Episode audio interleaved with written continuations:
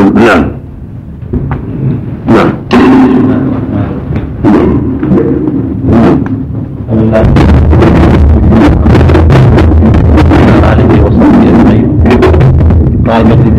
رحمه الله تعالى. باب الحجة في الصلاة بقراءة ابن مسعود وأبي رضي الله عنهما وغيرهما ممن أثني على قراءته. عن عبد الله بن عمرو رضي الله عنهما قال قال رسول الله صلى الله عليه وسلم خذوا القرآن من أربعة من ابن أم عبد فبدأ به ومعاذ بن جبل وأبي بن كعب وسالم مولى أبي حذيفة رواه أحمد والبخاري والترمذي وصححه. وعن أبي هريرة رضي الله عنه أن النبي صلى الله عليه وسلم رواه رواه أحمد والبخاري والترمذي وصححه. نعم. وعن أبي هريرة رضي الله عنه أن النبي صلى الله عليه وسلم قال من أحب أن يقرأ القرآن غضا كما أنزل فليقرأه على قراءة ابن أم عبد رواه أحمد. وعن أنس رضي الله عنه قال قال رسول الله صلى الله عليه وسلم لأبي إن الله أمرني أن أقرأ عليك لم يكن الذين كفروا. وفي رواية أن أقرأ عليك القرآن. قال وسماني لك. قال نعم. فبكى. متفق عليه. باب ما جاء في السكتتين قبل القراءة وبعدها. عن الحسن عن سمرة رضي الله عنه عن النبي صلى الله عليه وسلم أنه كان يسكت سكتتين إذا استفتح الصلاة وإذا فرغ من القراءة كلها. وفي رواية سكتة إذا كبر وسكتة إذا فرغ من قراءة غير المغضوب عليهم ولا الضالين. روى ذلك أبو داود وكذلك أحمد والترمذي وابن ماجه بمعنى باب التكبير للركوع والسجود والرفع. بسم الله الرحمن الرحيم اللهم صل على محمد هذا هذه الاحاديث الحديث الأول فيما يتعلق بقراءة القرآن إذا ثبتت عن بعض الصحابة أنه لا مانع من الأخذ بها فيبين وابن مسعود ومعاذ وغيرهم لأنها قرآن إذا نقلوها عن النبي صلى الله عليه وسلم وثبتت وأنه لا مانع من القراءة بها وأنها حجة. وهذا واضح ظاهر وزاد أن ابن مسعود رضي الله عنه لما جمع أسماء المصحف امتنع من أن يسلم مصحفه وقال إن الله يقول من له يأتي المغل يوم القيامة ولما من المصحف. المقصود من هذا كله أنه إذا ثبت أن هذه القراءة أن ثابتة عن رسول الله صلى الله عليه وسلم جاز القراءة بها. لثبوتها من جهة السند. وهذا لا ينافي أن ينبغي المؤمن أن يقتصر على ما جمعه الصحابة في عهد عثمان رضي الله عنه وأرضاه. حذرا من النزاع والفتنة التي من أجلها جمع عثمان المصحف حتى لا يتنازع الناس. فالأخذ بقراءة الثابتة لا مانع منه في الاحتجاج والعمل لكن القراءة ينبغي أن يقتصر على المصحف الذي جمعه عثمان وأرسله إلى المدن واستقر عليه العمل حتى لا يكون النزاع بين الناس. ولأنه اعتمد فيه العرضة الأخيرة في رمضان سنة عشر من الهجرة. قد يكون بعض الحروف التي في بعض المصاحف في ابن مسعود كانت قبل العرضة الأخيرة. فالاحتياط للمؤمن في مثل هذا أن تكون قراءته على المصحف الذي رسم في عهد عثمان واجتمع عليه الصحابة رضي الله عنهم وأرضاهم لمصلحة عظيمة وهو درء النزاع والاختلاف في بعض القراءات كما قد وقع في عهد النبي صلى الله عليه وسلم بين عمر وأبي وبين بين عمر وهشام بن حكيم وبين أبي وغيره. المقصود أن هذا وقع حصل بسببه شيء من تكدر حتى حلها النبي صلى الله عليه وسلم وقال كل حسن قال إن القرآن نزل على سبعة أحرف. فالمقصود أن وجود قراءات متعددة قد يسبب شيء من الاختلاف والنزاع فينبغي لأهل الإسلام أن يقتصروا على ما رسمه عثمان وجمع الناس عليه في عهد جمهور الصحابة رضي الله عنهم وأرضاهم. وإن كان ما يروى بإسناد جيد يعتبر حجة في بيان معنى الآية أو في بيان معنى آخر زائد مستبق من الآية لكن لا ينبغي أن يقرأ به بعد ذلك لما فيه من فتح باب النزاع والخلاف. أما السكتان دل حديث عمران بن حسين وسمرة بن جندب وأبي بن كعب على أن له سكتتين عليه الصلاة والسلام. إحداهما بعد التكبيرة الأولى من الاستفتاح وهي ثابتة الصحيحين من حديث أبي هريرة وجاءت من حاجة أخرى هي محل نفاق ومحل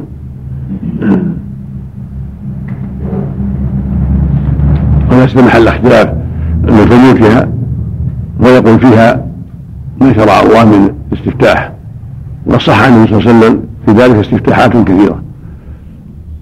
وصحها وأثبتها ما ما رواه أبو هريرة رضي الله عنه النبي صلى الله عليه وسلم قال كان يقول بين السجدين اللهم باعد بيني وبين خطاياي إلى آخره. وهكذا ما ثبت في حديث ابن عباس انه كان يقول إذا تحدث اللهم أنت نور السماوات فيهن وأنت قيم الشيء إلى آخره. ولكن اختلف في حديث ابن عباس هل كان يقوله في محل الاستفتاح؟ أو يقوله في معرض الثناء على الله عز وجل في تهجده ولكن جاء في الروايات في عدة روايات يدل على أنه يستفتح به. وهكذا ما ثبت في حديث علي أنه كان يقول وجهت وجهي إلى آخره في صلاة الليل كما رواه مسلم في الصحيح. المقصود عدة الاستفتاح كلها تدل على شرعية هذه السكتة وأنها سكتة قبل الفاتحة في أول ركعة بعد التحريم. أما السكتة الثانية فاختلف فيها. وأرجح ما جاء في الروايات أنها بعد النهاية عند الركوع. هذا هو أرجح ما جاء في الروايات أنها عند عند انتهاء القراءة. سكتة لطيفة يفصل بينها بين القراءة وبين الركوع. وجاء في بعض الروايات من طريق قتادة أنها بعد الفاتحة بعد قوله الضالين ولكن معظم الروايات وأكثرها على أنها أنها هي, هي السكتة الأخيرة بعد انتهاء القراءة. أما بعد ولا الضالين فليست هنا فليس هناك حديث ثابت صحيح يدل على عليها. ولكنها قال بها بعض أهل العلم فالأمر فيها واسع إن شاء الله ولكن تركها أفضل. يقرأ بعد الفاتحة. هذا هو هو الأظهر والأفضل لظهور الأحد في ذلك. وإنما السكتتان بعد الإحرام وبعد انتهاء القراءة. ومن سكت بعد بعد الفاتحة أخذ بعض الروايات التي جاءت في هذا الباب وعملا بما قاله بعض أهل العلم فلا حرج في ذلك إن شاء الله والأمر في هذا واسع. إلا أن الأفضل من حيث الرواية هو الاقتصار على السكتتين الأولى بعد بعد الإحرام بعد التحليمة والثانية عند النهاية هذا هو الأفضل والأرجح من الروايات. والله أعلم. نعم. مسعود وهي قراءة شاذة تحمل على أنها تفسير فاقطعوا أيمانهما. هذا ينبني على مراجعة الروايات. قد تكون تفسيرا للآية. قد تكون تفسيرا مثل ثلاثة أيام متتابعة في كفارة اليمين. والمؤلف بإطلاق الحجة في الصلاة بقراءة ابن مسعود. مراده ثبت أنه رواها عن النبي صلى الله عليه وسلم. قال قال سمعت الرسول يقول يقرأها هكذا. إذا ثبت هذا ولا ولا فالأصل تفسير يكون تفسير مسعود ومن غيره من باب التفسير. لكن كلام إذا ثبت أنه صرح وقال سمعت النبي يقول كذا وكذا. نعم. صلى الله عليك القراءة. الصلاة نعم. بالتلفيق. نعم.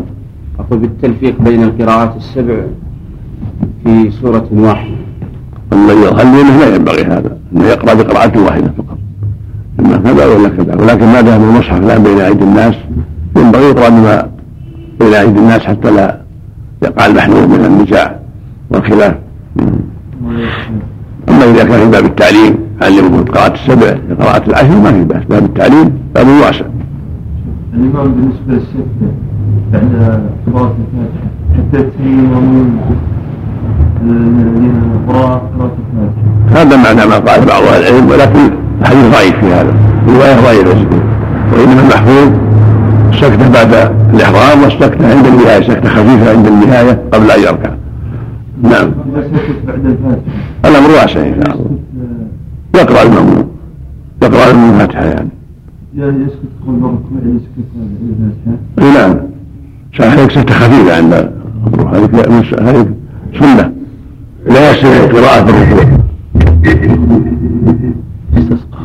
صحيح نعم. صحيح الضعيف إن شاء الله أكبر. لا يسكت سكتة خفيفة ثم يكبر. نعم. هذا هو الأظهر في الروايات. نعم. ما ثبت عنه أنه كان يسكت بعد الفاتحة؟ سكتة يقرأ فيها المأمون ما علمنا هذا في شيء من الأحاديث الصحيحة. نعم. استسقى غدا. نعم. استسقى. غدا. الصبح في قراءة. أو الصبح في الدروس استسقى إن شاء الله. والليل في الدروس ليلة الاثنين فيها دروس الليلة فيها دروس إن شاء الله. نعم. نعم وفق الله الجميع أن الإنسان إذا كلمة مر عليه لا إله إلا الله يحرك إصبعه ما ما أعرف ما أعلم هل ينكر شيخ على من كان يحركها دائما لا إله إلا الله؟ يعلم قال لا- لا ينبغي إلا بدليل يعلم. يرشد أحسن الله لكن ما إلا بدليل ولكن شيخ يعني هذا الاسم ما أعلم لا. الصواب لا تنقل إذا يستعرف يعني يستخلف ويكمله يكملون نعم. من بداية الصلاة. إذا ولو إذا ذكر يستخلف هذا الصواب. وش دليل؟ يا شيخ؟ نعم. دليل. نعم. تبطل مين يعيد يستأنف قول بعض العلماء قول بعض العلماء لأن صلاته صار- صارت باطلة أصلها يعني لما دخل محدث صار باطل لكن لما لم يعلموا لما لم يعلموا عليهم حرج. لما لم مثل ما لو أحدث في أثنائه الدليل هو حديث الرسول الرسول خلع عليه نعم. في- مسألة مسألة النجاشة. ومن دليله قصة عمر لما طعن استخلف من قال بالاستخلاف يعني حبوب منع الحمل فيها تفصيل لكن لضرورة فلا بأس ولا ينبغي تركها. وما هي أو مرض؟ ما هي مرض أو أو تر- تربيه الاولاد الصغار كانوا عليها أو مرض أو يعني هناك آلام إذا كان إذا كان عندها طفل واحد. طيب. ما ما يكلف ما ينبغي الحمل هذا إنما اذا كثر الأولاد عليها؟ تقاربوا صار يعني تربيتهم تشق عليها. كم كم طفل يا شيخ؟ الله أعلم. ما في حد محدود لكن المراد يعني مراعاة الضرر البين. و- ومدة تكون سنة أو سنتين مدة الرضاعة إذا كان ما فيها ضرر إذا قرر الطبيب ما فيها ضرر. الله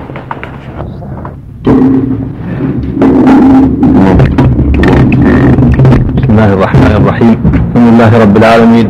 والصلاة والسلام على نبينا محمد وعلى آله وصحبه أجمعين.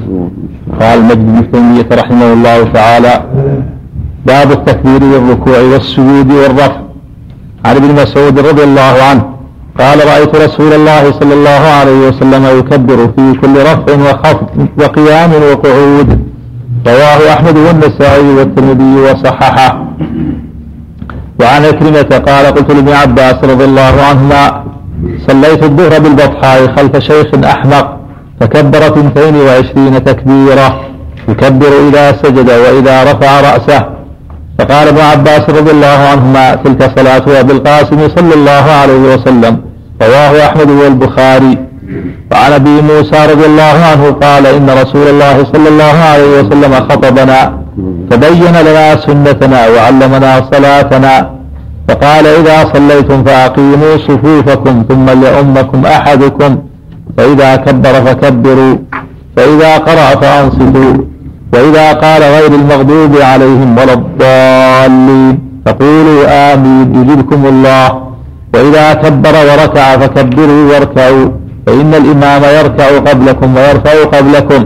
فقال رسول الله صلى الله عليه وسلم فت- فتلك بتلك.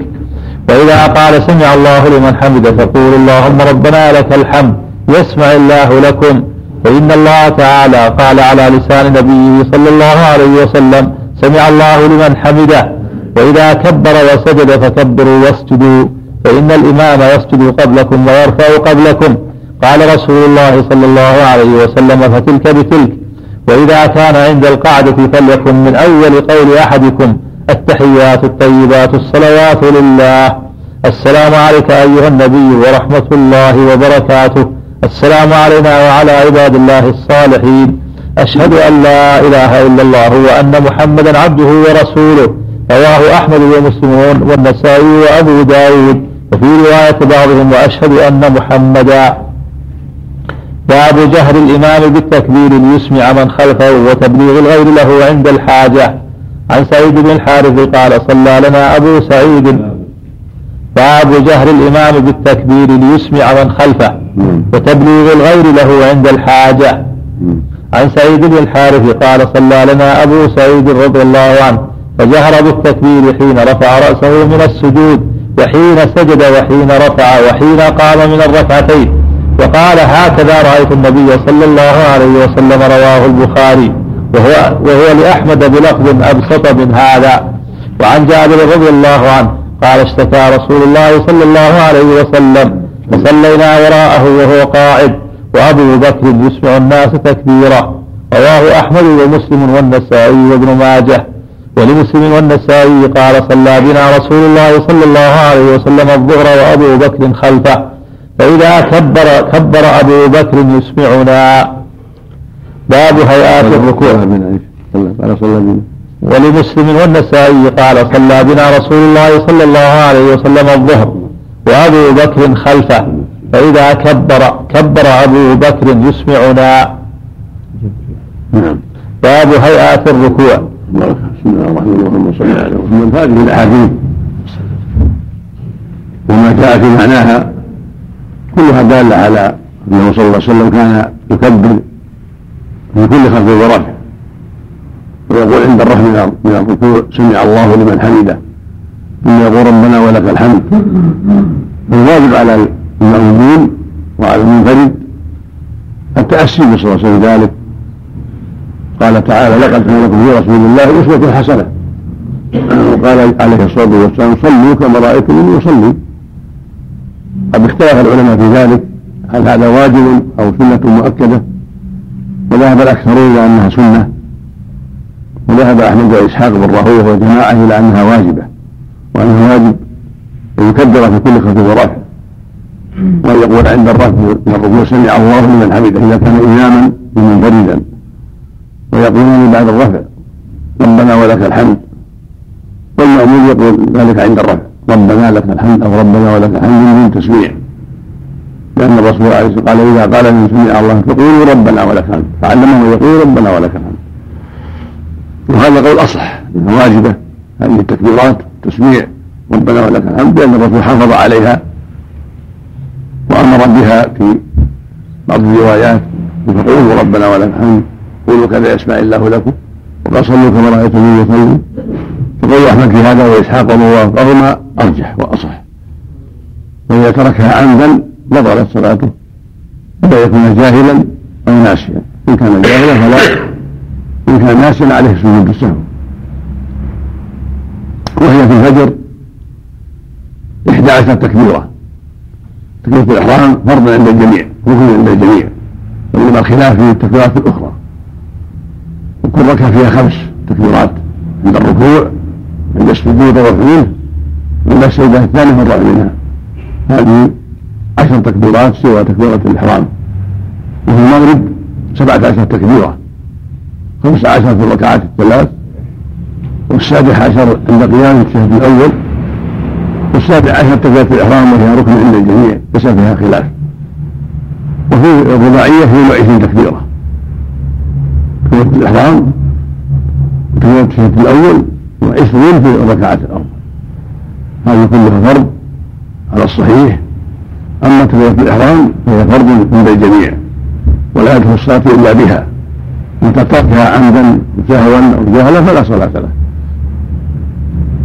وفيه من الفوائد هذه الفوائد أن الإمام يقول سمع الله لمن حمده والمنفرد يقول ذلك وأن الله أجرى هذا على النية وأن معناه استجاب سمع استجابه سمع الله استجاب لمن حمده. وفيه أن الإمام يركع قبل المأموم ويسجد قبله ويرفع قبله فتلك بتلك. معناه أنه كما أنه يركع قبلكم ويسجد قبلكم فهل تتأخرون بعده؟ الرفع من السجود والركوع. فهذه بهذا. سبقه والركوع والسجود. اعتضتم عنه بتأخركم بعده. فصار هذا بهذا. وكل منكما حصل له المقصود من الركوع والسجود. وفيه أن الواجب على المأموم الاقتداء وعدم العجلة وعدم المسابقة وليكن بعد الإمام يركع قبلهم أو قبلهم ويسجد قبلهم ويرفع قبلهم ويكبر قبلهم. فعليه التأسي والمتابعة. وفيه من الفوائد أن المأمون لا يقول سمع الله من حمده ويقول ربنا ولك الحمد. قد ذهب بعض أهل العلم إلى أنه يقول ذلك. أمرا بعموم صلوا كما رأيتم نصلي والجواب عن هذا يقال هذا عام. وأحاديث أمر النبي صلى الله عليه وسلم بالمأمون يقول ربنا ولك الحمد خاص. ويدل على أن المأمون لا يقول سمع الله من حمده وإنما يقول ربنا ولك الحمد. ولهذا في الصحيحين وإذا قال سمع الله فقولوا ربنا. فقولوا اللهم ربنا. ولو كان يقول سمع الله لقال قولوا سمع الله. هذا هو الأفضل أن لا يقولها المأموم وإنما يقول ربنا ولك الحمد. قد جاء في هذا أربع روايات. ربنا لك الحمد بالواو ربنا ولك الحمد بالواو واللهم ربنا لك الحمد إلى واو واللهم ربنا لك الحمد بالواو وكلها جائزة وكلها قربة إذا قال هذا أو هذا أو هذا كله سواء الإمام أو المأمون أو المنفرد كله حسن كله جاءت به السنة. وفيه الجهر بالتكبير وأن يجهر المأمون والإمام والمنفرد وأنه يجهر الإمام بالتكبير ليسمع الناس. أما المأمون والمنفرد فلا حاجة إلى جهل يكبر وإنه لحاجة إلى الجهل لأن ليس هناك من يقتدي به. فالإمام يجهر بالتكبير حتى يقتدى به وإذا كان هناك حاجة للتبليغ جعل من يبلغ ولهذا لما ضعف النبي صلى الله عليه وسلم في مرضه وصلى بالناس وهو مريض عليه الصلاة والسلام وصلى معه أبو بكر عن يمينه وصلى صار يكبر. وابو بكر يبلغ الناس عنه لأن صوته ضعيف عليه الصلاة والسلام. بسبب المرض فكان ابو بكر يبلغ الناس. وله الروايه الأخيرة خلفه.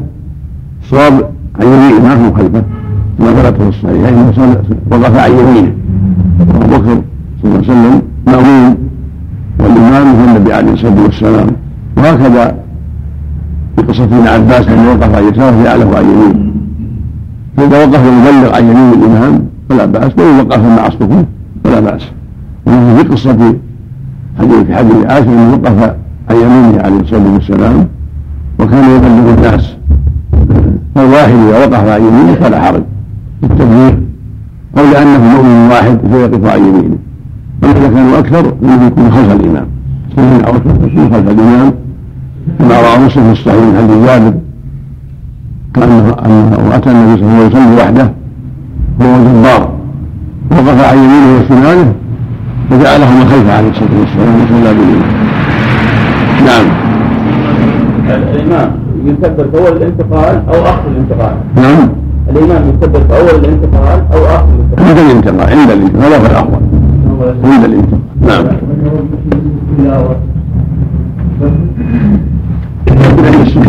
الأفضل عند الرفع ما فيه تكبير عند الرفع ولا تسليم على الصحيح. بعض أهل العلم قاسها على الحديث رواه الناس لو قالوا يكبر عند الركوع وعند السجود وعند الرفع ويسلم ولكن ليس عليه دليل. انما ورد تكبير عند عند السجود عند سجود التلاوة. اللي واجبة. مرة واحدة والباقي سنة. ما زاد على الواحدة سنة. سنة كلها لا لا عند الجمهور سنة كلها سنة نعوذ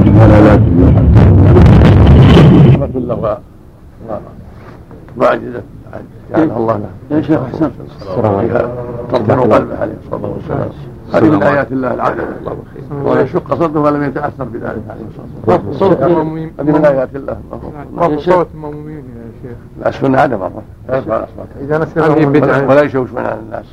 إذا يعلمون قال لهم السنة لكم خفض الصوت. إذا نسي المأموم يكبر أثناء السجود. نعم. وهو مأموم نعم. المأموم تصبر تصبر عن. تبع الإمام يا شيخ يلزم التكبير رفع اليدين؟ عند الرفع عند الإحرام والركوع والرفع منه وعند القيام في الأول في مواضع الأربعة يا شيخ يضم القدمين عند السجود خمس دقائق إذا صلى إذا صلى قبل الصبح لا بأس يكفي ركعة واحدة. أو ركعتين مع ركعة واحدة. تخفيف. يا شيخ يضم القدمين عند السجود؟ ولا يفرق؟ الصواب لا يفرقهما. ينصبهما ويفرقهما. هذا المحفوظ. أما رواية الخزيمة والحاكم فيها نظر. ضعف سر سر الحاكم. وهما منصوبتان. هذا هو الأفضل كما في رواية مسلم. فرق بين نعم. ينصبهما ويفرقهما. الله إليك بعضهم قال فتحة في فتحة المحراب. الله بسم الله الرحمن الرحيم. الحمد لله رب العالمين والصلاة والسلام على نبينا محمد وعلى آله وصحبه أجمعين. قال مجد بن تيمية رحمه الله تعالى باب هيئات الركوع. عن أبي مسعود عقبة بن عامر رضي الله عنه أنه ركع فجافى يديه ووضع يديه على ركبتيه وفرج بين أصابعه من وراء ركبتيه. وقال هكذا رأيت رسول الله صلى الله عليه وسلم يصلي. عن عقبة نعم عن أبي مسعود عقبة بن عامر رضي الله عنه. انه أنه ركع فجافى يديه ووضع يديه على ركبتيه وفرج بين أصابعه من وراء ركبتيه. وقال هكذا رأيت رسول الله صلى الله عليه وسلم يصلي. رواه أحمد وأبو داود والنسائي. وفي حديث رفاعة بن رافع رضي الله عنه عن النبي صلى الله عليه وسلم وإذا ركعت فضع راحتيك على ركبتيك. رواه أبو داود وعن مصعب بن سعد رضي الله عنه. قال صليت إلى جنب أبي رضي الله عنه فطبقت بين كفي. فطبقت بين كفي ثم وضعت بين فخذي ثم وضعتهما بين فخذي. فنهاني عن ذلك وقال كنا نفعل هذا فأمرنا أن نضع أيدينا على الركب. رواه الجماعة. باب الذكر في الركوع والسجود. عن حذيفة رضي الله عنه قال صليت مع النبي صلى الله عليه وسلم فكان يقول في ركوعه سبحان ربي العظيم وفي سجوده سبحان ربي الأعلى. وما مرت به آية رحمة إلا وقف عندها يسأل ولا آية عذاب إلا تعوذ منها. رواه الخمسة وصححه الترمذي. وعن عقبة بن عامر رضي الله عنه قال لما نزلت فسبح باسم ربك العظيم قال لنا رسول الله صلى الله عليه وسلم اجعلوها في ركوعكم. فلما نزلت سبح اسم ربك الأعلى قال اجعلوها في سجودكم. رواه أحمد وأبو داود وابن ماجه. وعن عائشة رضي الله عنها أن رسول الله صلى الله عليه وسلم كان يقول في ركوعه وسجوده سبوح قدوس رب الملائكة والروح. رواه أحمد ومسلم وأبو داود والنسائي. وعن عائشة رضي الله عنها قالت كان رسول الله صلى الله عليه وسلم يكثر أن يقول في ركوعه وسجوده سبحانك اللهم ربنا وبحمدك اللهم اغفر لي. يتأول القرآن. رواه الجماعة إلا الترمذي. وعن عمرو بن عبد الله عن وعن عمرو بن عبد الله بن عتبة عن ابن مسعود رضي الله عنه. أن النبي صلى الله عليه وسلم قال إذا ركع أحدكم فقال في ركوعه سبحان ربي العظيم ثلاث مرات فقد تم ركوعه وذلك أدناه وإذا سجد فقال في سجوده سبحان ربي الأعلى ثلاث مرات فقد تم سجوده وذلك أدناه رواه الترمذي وأبو داود وابن ماجه وهو مرسل عون لم يلق ابن مسعود. وعن سعيد بن جبير عن أنس رضي الله عنه قال ما صليت وراء أحد بعد رسول الله صلى الله عليه وسلم أشبه صلاة برسول الله صلى الله عليه وسلم. وعن وعن سعيد بن جبير عن أنس رضي الله عنه قال ما صليت وراء أحد بعد رسول الله صلى الله عليه وسلم أشبه صلاة برسول الله صلى الله عليه وسلم من هذا الفتى يعني عمر بن عبد العزيز. قال فحذرنا في ركوعه عشر تسبيحات وفي سجوده عشر تسبيحات. رواه أحمد وأبو داود والنسائي. باب النهي عن القراءة في الركوع والسجود. بسم الله الرحمن الرحيم. أما بعد فهذه الأحاديث الاولى تدل على أن السنة للمؤمن في ركوعه في النفي- في أن يعتدل في الركوع ويضع يديه على ركبتيه أو يجافي يديه عن جنبيه ويمكن يديه من ركبتيه. كما فعل النبي صلى الله عليه وسلم. وجاء في حديث أبي حميد الساعدي كان إذا ركع حصر ظهره واستوى وجعل يديه على ركبتيه. واستقر. حتى يرجع كل فقار إلى مكانه. وكانوا فيما أول الإسلام يطبقون كما ذكر مصعب عن عن أبيه سعد. كان يضع يديه هكذا بين فخذيه ويؤمن بالركب فهذا هو الذي استقرت عليه السنة. وكان المشهور رضي الله عنه يظن أنها باقي هذه السنة ويطبق ولكن علم سعد بن غيره كعبي حميد الساعدي وعقبه بن عمرو وغيرهم روايه الراوي أنه استقر الأمر على وضع اليدين على الركبتين وهذا هو السنة كما صحت به الأخبار عن رسول الله صلى الله عليه وسلم. والسنة في ذلك أيضا أن يسوي ظهره يستقر ويجعل راسه حياله لا يشخصه ولا يخفضه. كما في حديث أبي حميد وعائشة وغيرهما. ويستوي في ذلك ويطمئن ولا يعجل حتى يرجع كل فقار إلى مكانه وجاء في حديث حذيفة في تهدده من جعل ركوعه نحوا من قيامه وسجود كذلك. وجاء في حديث البراء بن عازب رضي الله عنه في الصحيحين غلبت الصلاة مع مع محمد صلى الله عليه وسلم فرأيت وجدت ركعت قيامه ركعته فاعتداله بعد ركوعه سجدته جلسته بين السجدتين قريبا من السواء. وهذا يدل على تقارب هذه الأعمال وأنه كان يطمئن في ركوعه وسجوده واعتداله وبين السجدتين حتى كانت هذه الأعمال متقاربة مع القيام. زاد في روايه ما خلى قيام القعود فإنهما أطول قيام القراءة. قعود التشهد أطول بعض الشيء. وفي رواية أطلق وقال قريب من السواء لأن الفرق ليس بالكثير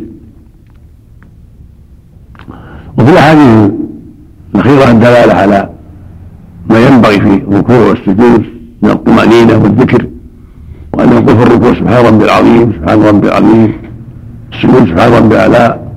وثبت هذا في فعله صلى الله عليه وسلم حديث حذيفة الصحيح رواه مسلم الصحيح كما رواه الخمسه كما ذكر المؤلف هنا ورواه مسلم أيضا كما تقدم. ودل حديث حذيفة على معنى ما دل عليه حديث البراء من اعتدال الصلاة وتقاربها وانه ركع له من قيامه وسجد له من ركوعه دل على التقارب في الصلاة وفي افعالها وفيه انه يقول في السجود سبحان ربي الأعلى ركوع سبحان ربي العظيم. كما في حديث غيره وفي حديث عقبه لما نزل قوله تعالى سبح اسم ربنا العظيم قد جعله في ركوعكم ونزل ولما نزل قوله تعالى سبح اسم ربنا العظيم جعله في سجودكم. والمناسبه في ذلك أن أن السجود حالة انخفاض وذل وانكسار. مناسبه فيه يقال سبحان ربي الأعلى لأنه سبحانه فوق العرش العالي فوق جميع خلقه. فهو أليق بالمقام ذكر الأعلى. والركوع حاضر أيضا انكسار لكنه ينبغي للسجود فنسب فيه العظيم. المتقدس عن الذل وعن خلاف العزة. هو العظيم وهو العزيز وهو القاهر. فليس في حاجة إلى عبادة ولا أحد يغالبه فله وصف العظمة وله وصف العلو سبحانه وتعالى. فجاء هذا في في غايه المناسبة. لأن كل كل منهما فيه انكسار. وفيه ذل لكن الذل في السجود أكثر. فليس في الركوع العظيم وفي السجود الأعلى. والسنة تكرار ذلك في الركوع والسجود.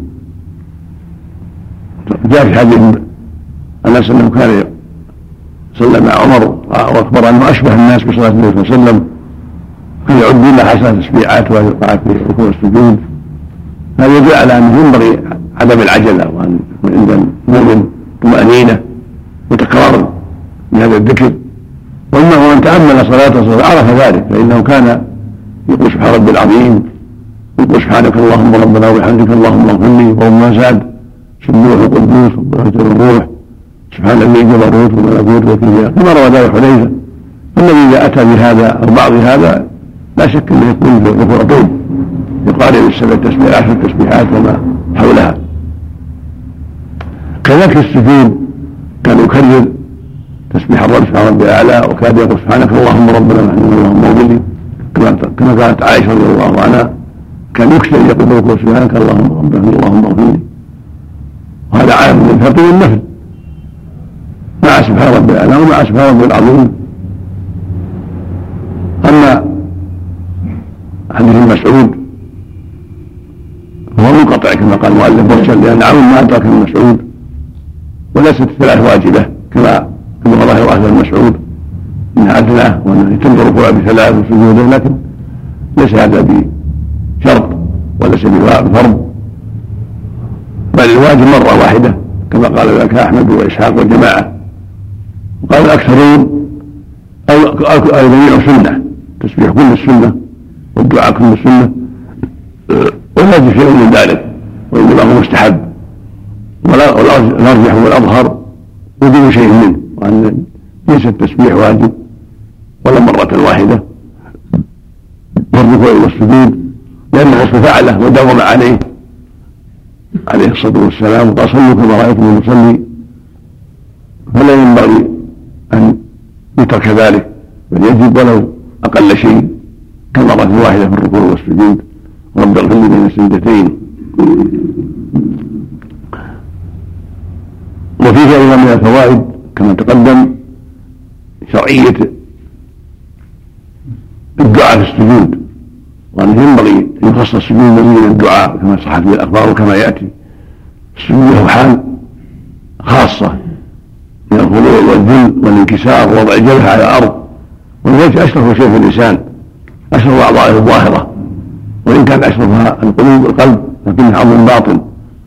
أما أشرف الأعمال الظاهرة في الوجه ومع هذا يضعه في الأرض. تواضعا وذلا وانكسارا فلا فيه الدعاء لأنه أقرب إلى الإجابة في هذه الحال حال الذل والانكسار. ولهذا قال صلى الله عليه وسلم وأما فاجتهدوا في الدعاء. فقبلوا يستجاب لكم قال أقرب ما يكون عبد ربه وسائل فأكثروا الدعاء. فالمؤمن في هذه الحال حري بأن يجاب. فينبغي له أن يلح بالدعاء. وهذا يعم الفرض والنفل نعم. الأول هذا في صلاة الليل؟ نعم. في ذكر الوقوف عند آية التسبيح وآية الرجاء وآية الدعاء. فيها التعوذ. والذي طبعا في الفرض يمكن يقف في هذه الأشياء. نعم. لكن الأصل أن الفرض والنفل سوء إلا ما خصه الدليل. علمنا أنه لم يقف في الفرض ليسأل أو ليتعوذ ولما أن الأفضل ترك ذلك. بل بعض أهل العلم رسم العموم وأنه عام وأنه لا بأس أن يقف فريضة من هذا قول الحنابلة في كتبهم ولو في الفرض. شرط الخلاف القوي. ولكن قول من قال لا يفعل الفرض أظهر. لأنه لو فعله الفرض ما نقله الصحابة ما خلوا فيه الصحابة ما تركوا شيئا إلا نقلوه رضي الله عنه فلو كان يقف في قراءته في فريضة يسبح ويدعو يستعين ما نقلوه. ولأن هذا قد يكون وسيلة إلى طول القراءة على المأموم. زيادة وبحمده في الركوع والسجود التسبيح. جاءت جاءت لكن في فيها ضعف روايات فيها ضعيفة ومن زادها فلا حرج لأن وجد في حديث عائشة سبحانك اللهم ربنا وبحمدك اللهم اغفر لي وهو الصحيحين. فلا قالها في سبحان ربي العظيم لا ينطق لكن الأفضل تركها لأنه غير ثابتة في سبحان ربي العظيم سبحان ربي العظيم. أحسن الله ولو قال هذا لا ينكر في ذلك الأمر في هذا واسع. نعم. نعم. بسم الله الرحمن الرحيم. الحمد لله رب العالمين والصلاة والسلام على نبينا محمد وعلى آله وصحبه أجمعين. ابن رحمه الله تعالى باب النهي عن القراءة في الركوع والسجود. عن ابن عباس رضي الله عنهما قال كشف رسول الله صلى الله عليه وسلم الستارة والناس صفوف والناس صفوف خلف أبي بكر رضي الله عنه. فقال يا أيها الناس إنه لم يبق من مبشرات النبوة إلا الرؤيا الصالحة يراها المسلم أو ترى له. ألا وإني نهيت أن أقرأ القرآن راكعا أو ساجدا. أما الركوع فعظموا فيه الرب. وأما السجود فاجتهدوا في الدعاء فقمن أن يستجاب لكم.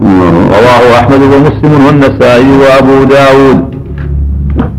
باب ما يقول في رفعه من الركوع وبعد انتصابه. عن أبي هريرة رضي الله عنه قال كان رسول الله صلى الله عليه وسلم إذا قام إلى الصلاة يكبر حين يقوم. ثم يكبر حين يركع ثم يقول سمع الله لمن حمده حين يرفع صلبه من الركعة ثم يقول وهو قائم ربنا ولك الحمد.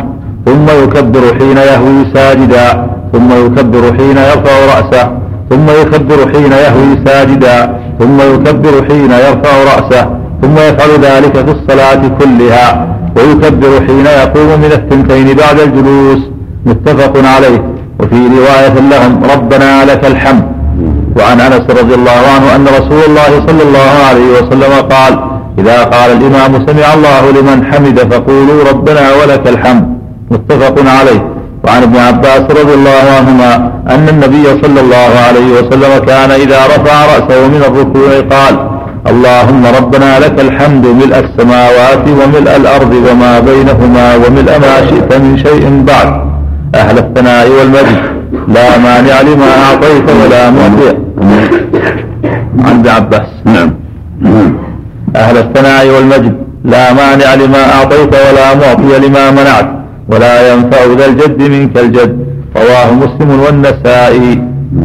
باب في أن الانتصاب بعد الركوع فرض. عن أبي هريرة رضي الله عنه قال قال رسول الله صلى الله عليه وسلم لا ينظر الله إلى صلاة رجل لا يقيم صلبه بين بين ركوعه وسجوده. رواه أحمد وعن علي بن شيبان رضي الله عنه أن رسول الله صلى الله عليه وسلم قال لا صلاة لمن لم يقم صلبه في الركوع والسجود. رواه أحمد وابن ماجه.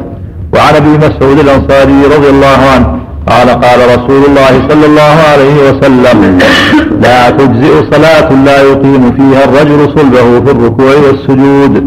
رواه الخمسة وصححه الترمذي. باب هيئات السجود وكيف الهوي إليه.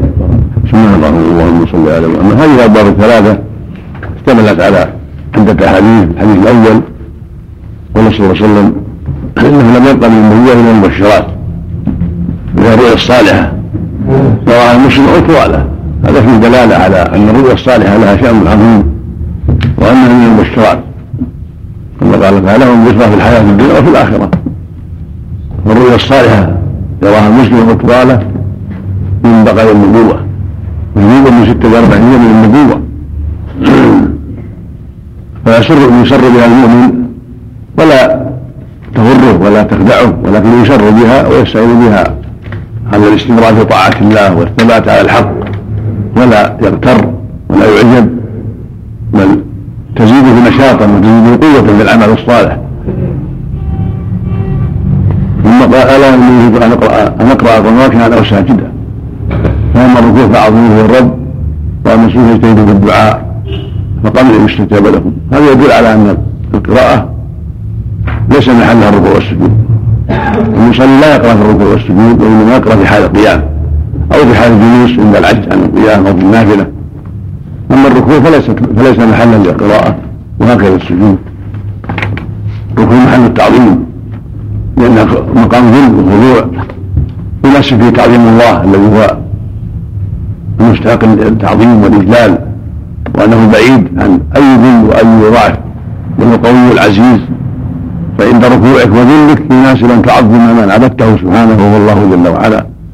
سبحان ربي العظيم. سبحانك اللهم ربنا وبحمدك اللهم اغفر لي. سبحان سبحان القدوس رب من الروح. سبحان ذي الجبروت والملكوت والكبرياء كل هذا جاء في الركوع والسجود. هذا من تعظيم الرب جل وعلا. وليس محل الدعاء ولكن محل التعظيم. إلا الدعاء التابع كما في سبحانك اللهم ربنا وبحمدك اللهم اغفر لي. واما السجود في محل اجتياز الدعاء مع التسبيح. فيسبح ويقول سبحان ربي الأعلى سبحان ربي الأعلى. ولا فيه ربي الأعلى لأنه مقام ذل وخضوع وانكسار. فناسب ان يعظم ربه بأنه الأعلى فوق جميع الخلق سبحانه وتعالى. ولأنه محل ذل فيناسب فيه الدعاء. لأن أقرب باب يدخل العبد على ربه باب الذل والانكسار. بين يدي الله سبحانه وتعالى والخضوع له والتذلل لعظمته ويكثر من الدعاء. وقانون لحري يقال على قانون فتح الميم وكسرها. قانون وقانون لحري يستجاب لكم. وفي هذا حديث ابي هريره أيضا عند مسلم يقول عليه الصلاة والسلام أكرم من يكون عبد ربه وهو ساجد فاكثر الدعاء. فينبغي إكثار الدعاء في السجود بفضل والنفع وكان من من محفوظ من دعاء عليه الصلاة والسلام في السجود رواه مسلم اللهم اغفر لي ذنبي كله دقه وجله وأوله وآخره وانت وسره هذا ما محفوظ من دعاء عليه الصلاة والسلام. اللهم اغفر لي ذنبي كله دقه وجله وأوله وآخره وانت وسره الباب الثاني الدلالة على ما يقوله إذا رفع من الركوع وأن الإمام يقول سمع الله لمن حمده والمنفرد كذلك ويقول بعد ذلك ربنا ولك الحمد. وهكذا المأمون إذا رفع ربنا ولك الحمد. ولا يشرع له يقول سمع الله. هذا هو الصواب. قال بعض أهل يجمع بينهما.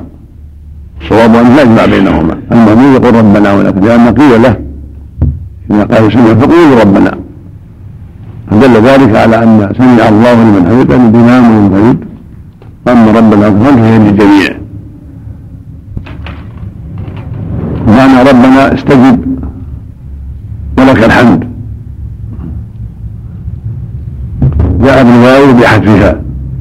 ربنا لك الحمد ربنا ولك الحمد. وهكذا جاء اللهم ربنا لك الحمد واللهم ربنا ولك الحمد. فيها أربع سياق. أن الرؤيا الصالحة لها شأن عظيم وأنها من المبشرات. كما قال تعالى هم في الحياة الدنيا وفي الآخرة. والرؤيا الصالحة يراها المسلم وطواله من بقايا النبوة. ويزيد من ستة وأربعين من النبوة. فيسر يسر بها المؤمن ولا تغره ولا تخدعه ولكن يسر بها ويستعين بها على الاستمرار في طاعة الله والثبات على الحق ولا يغتر ولا يعجب بل تزيده نشاطا وتزيده قوة في العمل الصالح. ثم قال ألا اني ان أقرأ ان أقرأ القران كان ساجدا فاما الركوع فاعظموا الرب واما السجود فاجتهدوا في الدعاء فقبل ان يستجاب لكم هذا يدل على أن القراءة ليس محلها الركوع والسجود. المصلي لا يقرأ في الركوع والسجود وإنما يقرأ في حال القيام أو في حال الجلوس عند العجز عن القيام أو في النافلة. أما الركوع فليس فليس محلا للقراءة وهكذا السجود. الركوع محل التعظيم. لأنه مقام ذل وخضوع يناسب فيه تعظيم الله الذي هو المستحق التعظيم والاجلال وانه بعيد عن اي ذل واي ضعف وهو قوي العزيز فعند ركوعك وذلك يناسب ان تعظم من عبدته سبحانه وهو الله جل وعلا سبحان ربي العظيم سبحانك اللهم ربنا وبحمدك اللهم اغفر لي سبحان سبحان القدوس رب من الروح سبحان ذي الجبروت والملكوت والكبرياء كل هذا جاء في الركوع والسجود. كان من تعظيم الرب جل وعلا. وليس محل الدعاء ولكن محل التعظيم. إلا الدعاء التابع كما في سبحانك اللهم ربنا وبحمدك اللهم اغفر لي. وأما السجود في محل الاجتهاد الدعاء مع التسبيح. فيسبح ويقول سبحان ربي الأعلى سبحان ربي الأعلى. ولا فيه ربي الأعلى لأنه مقام ذل وخضوع وانكسار. فناسب ان يعظم ربه بأنه الأعلى فوق جميع الخلق سبحانه وتعالى. ولأنه محل ذل فيناسب فيه الدعاء. لأن أقرب باب يدخل العبد على ربه باب الذل والانكسار بين يدي الله سبحانه وتعالى والخضوع له والتذلل لعظمته. فيكثر من الدعاء. وقانون لحري يقال قانون فتح الميم وكسرها؟ قانون وقانون لحري يستجاب لكم. وفي هذا المعنى حديث أبي هريرة أيضا عند مسلم يقول عليه الصلاة والسلام أكرم من يكون عبد ربه وهو ساجد فأكثر الدعاء. فينبغي إكثار الدعاء في السجود بفضل والنفع وكان من من محفوظ من دعاء عليه الصلاة والسلام في السجود رواه مسلم اللهم اغفر لي ذنبي كله دقه وجله وأوله وآخره وأنت وسره هذا ما محفوظ من دعاء عليه الصلاة والسلام. اللهم اغفر لي ذنبي كله دقه وجله وأوله وآخره وأن تروا سره الباب الثاني الدلالة على ما يقوله إذا رفع من الركوع وأن الإمام يقول سمع الله لمن حمده والمنفرد كذلك ويقول بعد ذلك ربنا ولك الحمد وهكذا المأمون إذا رفع يقول ربنا ولك الحمد ولا يشرع له يقول سمع الله هذا هو الصواب. قال بعض أهل العلم يجمع بينهما. الصواب انه لا يجمع بينهما. المأمون يقول ربنا ولك لأن قيل له إذا قال سمع فقولوا ربنا. فدل ذلك على أن سمع الله لمن حمده أن الإمام والمنفرد أما ربنا ولك فهي للجميع معنى ربنا استجب ولك الحمد. جاء بالواو بحذفها. ربنا لك الحمد ربنا ولك الحمد. وهكذا جاء اللهم ربنا لك الحمد واللهم ربنا ولك الحمد. فيها أربع صيغ كلها جائزة كلها مشروعة. وهذا هو الواجب. والأفضل يكمل من السماوات ومن الأرض ومن ما بينهما ومن ما يشتري فيه بعده. وجاء عنه الواجب لأن الرسول قال ربنا ولك الحمد. قل ربنا ولك الحمد. ولم نمر منا بهذا. دل على أن الزياده مستحبة لأنه فعلها عليه الصلاة والسلام من السماوات ومن الأرض ومن ما يشتري فيه بعد الالفاظ الأخرى ومن ما بينهما الامر في هذا واسع من السماوات ومن الأرض ومن ما بينهما ومن ما يشتري فيه بعد. ويستحب ان يزيد أهل اثنين مجد حق ما قال العبد وكل قال. اللهم لا مانع لما أعطيت ولا معطي لما اعطيت ولا يزال الجد من الجد. إلى الغنى. الجد بالفتح على الصحيح. وهو الغنى والحظ. والماء والرياسه والمال ونحو ذلك. لا ينفعه من الله ولا يمن من الله. كل الناس فقراء إلى الله جل وعلا. وربط بعضهم بالجد بكسر يعني ولا ينفع الاجتهاد والحرص. ولكن الأول هو معتبر عند أهل الحديث بالفتح.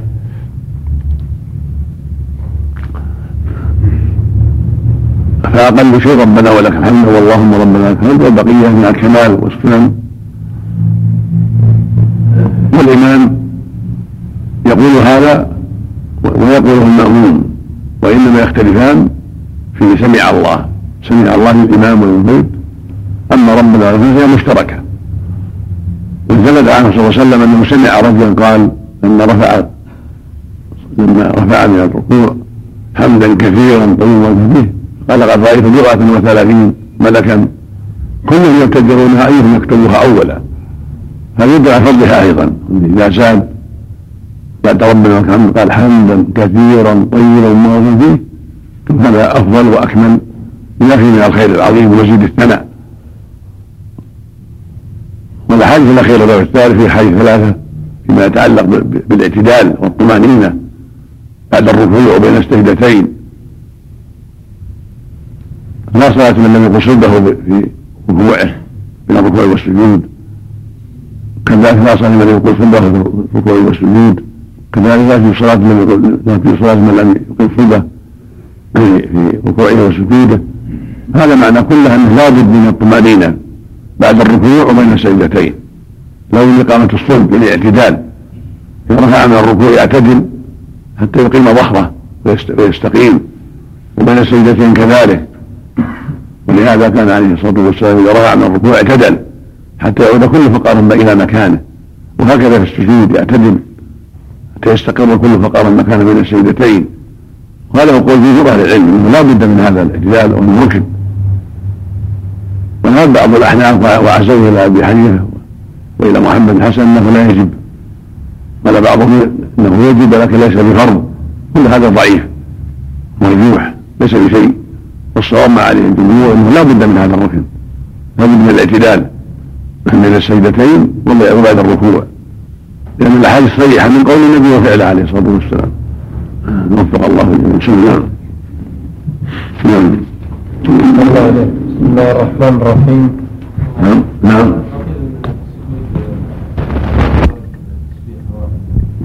نعم. والصواب والصواب والركوع والركوع كذلك. والجمهور على أن السنة كلها سنة لكن الصواب انه يجب شيء منه ولو قليل ولو مرة واحدة. لأن الرسول أمر بذلك ففعله وصلوا كما رأيتم من سيئه وأقل شيء واحدة. نعم. نعم. نعم. الافضل خلاف الافضل يسوغها لكن لو توضا أو رفع يصح. لكن الافضل يكون راسه محاجا ظهره إذا قال لربي بحمد لربي بحمد دون أن يقول آه، غيرها من الصفات الأربع. عند الرفع يعني؟ نعم. لعله الله لكن الأفضل المعروف المعروف الاحاديث الصحيحة. ربنا ولك الحمد. اللهم ربنا ولك الحمد. ينبغي له يلاحظ الأحاديث الصحيحة. نعم. نعم. نعم. ثابت نعم بالأسماء وبالنصب وضبط بعضهم بالرافع ولكن الأرجح النصب. يعني حمدا ملء بالأسماء. ما أعرف فيه ما أعرف فيه نعم.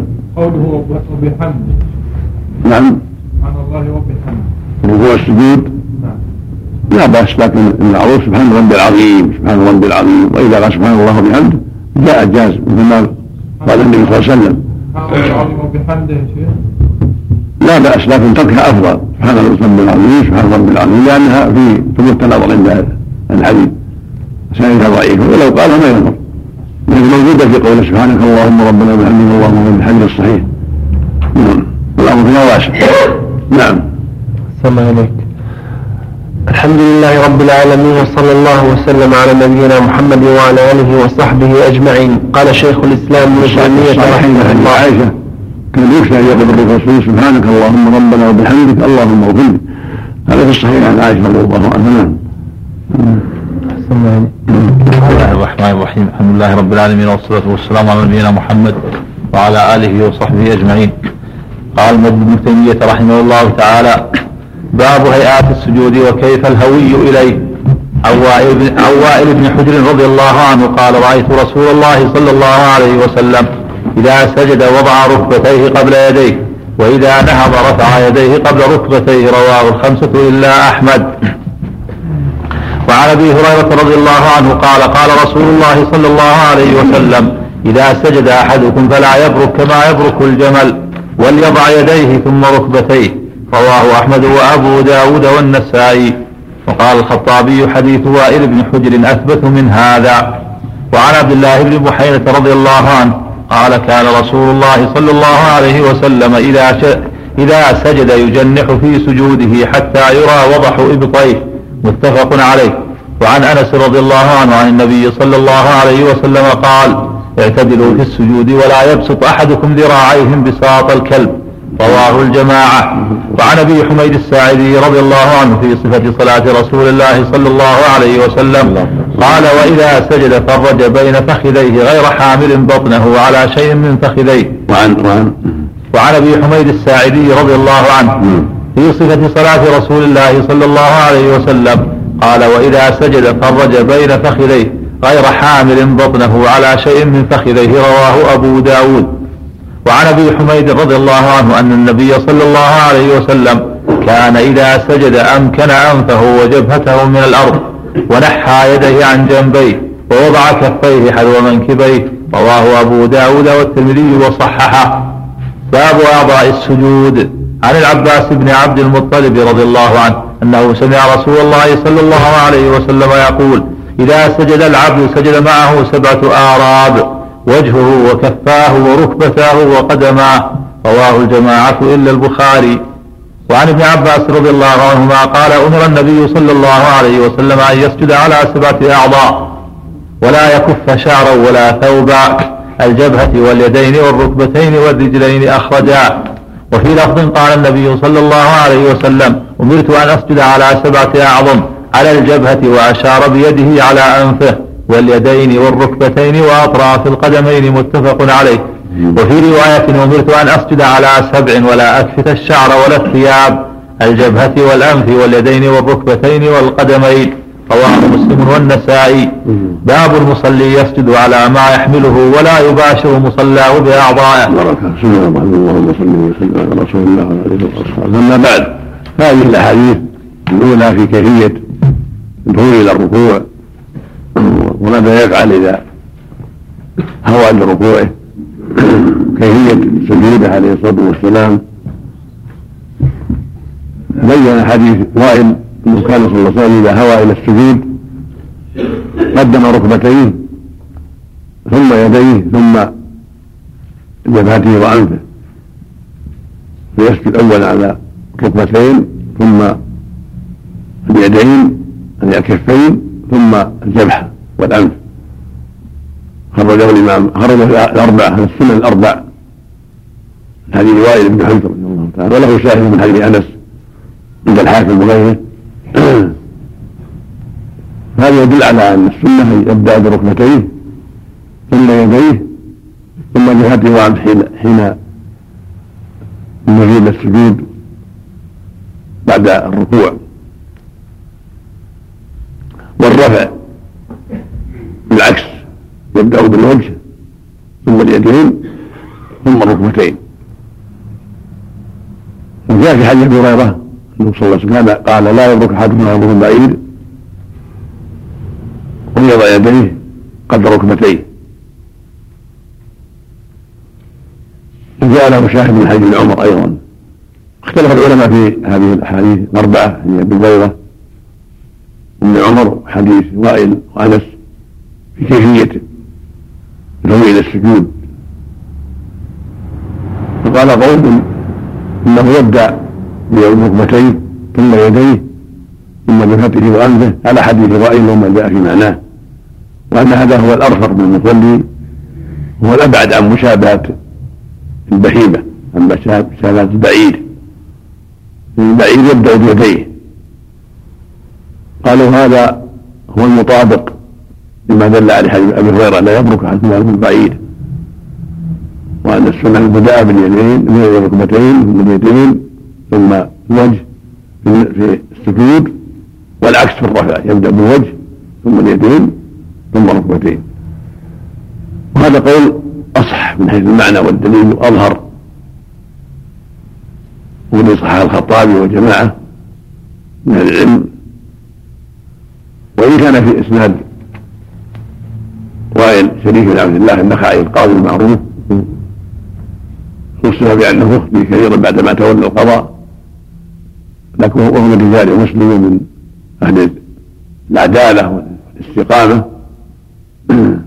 مثل هذا ليس مما ينسى ان هذا يمر عليه في اليوم والليله خمس مرات. ليس مما يغلط فيه بل هذا مما يحفظ. فبعيد يكون فيه يكون محل الغلط. وهو يمر عليه في يومه وليلته مرات كثيرة. ثم يعضده رواية أنس وإن كان فيها بعض اللين لكنها شاهد مقوي لهذا الحديث في حديث وائل. ثم من حيث المعنى يوافقه حديث أبي هريرة. هو هو له في المعنى. لا يبرك كما يكون بعيد. برك البعيد يكون بتقديم يديه. قبل رجليه وقوله في آخر وليضع يده كيف فيه إشكال وتناقض مع أول الحديث. ولعله التبس على بعض الرواة وانقلب عليه. وكان الأصل يقول يضع ركبتيه قبل يديه فانقلب عليه كما أشار إلى أهل المقيم رحمه الله.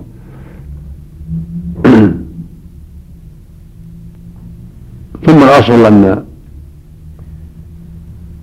أن العمل واحد في في سجود النبي صلى الله عليه وسلم مهما أمكن جامع الروايات واتفاق معناها فهو أولى من الاختلاف وليس مما يقال فيه إن هذا من باب اختلاف التنوع لأن هذا ليس فعلا حتى يقال من باب التنوع ترى كذا وترى كذا. إن هذا فيه فعل فيه نهي لا يبرك فهذا يبين أنه نوع واحد وأن القضية واحدة. فالأظهر هو ما ذهب إلى الأكثرون منكم تقديم الركبتين قبل اليدين. ونسب أبي داود إلى أهل الحديث ما دل عليه حديث ابن هريرة وأنه يقدم يديه قبل ركبتيه. هذه المسلك محل نظر. فالأقرب والأظهر وهو ما دل عليه حديث وائل وأن حديث في المعنى موافق له ليس مخالفا له الحقيقة أن المعنى واحد وأن السنة تقديم الركبتين ثم اليدين ثم الوجه في النزول والعكس في الرفع حديث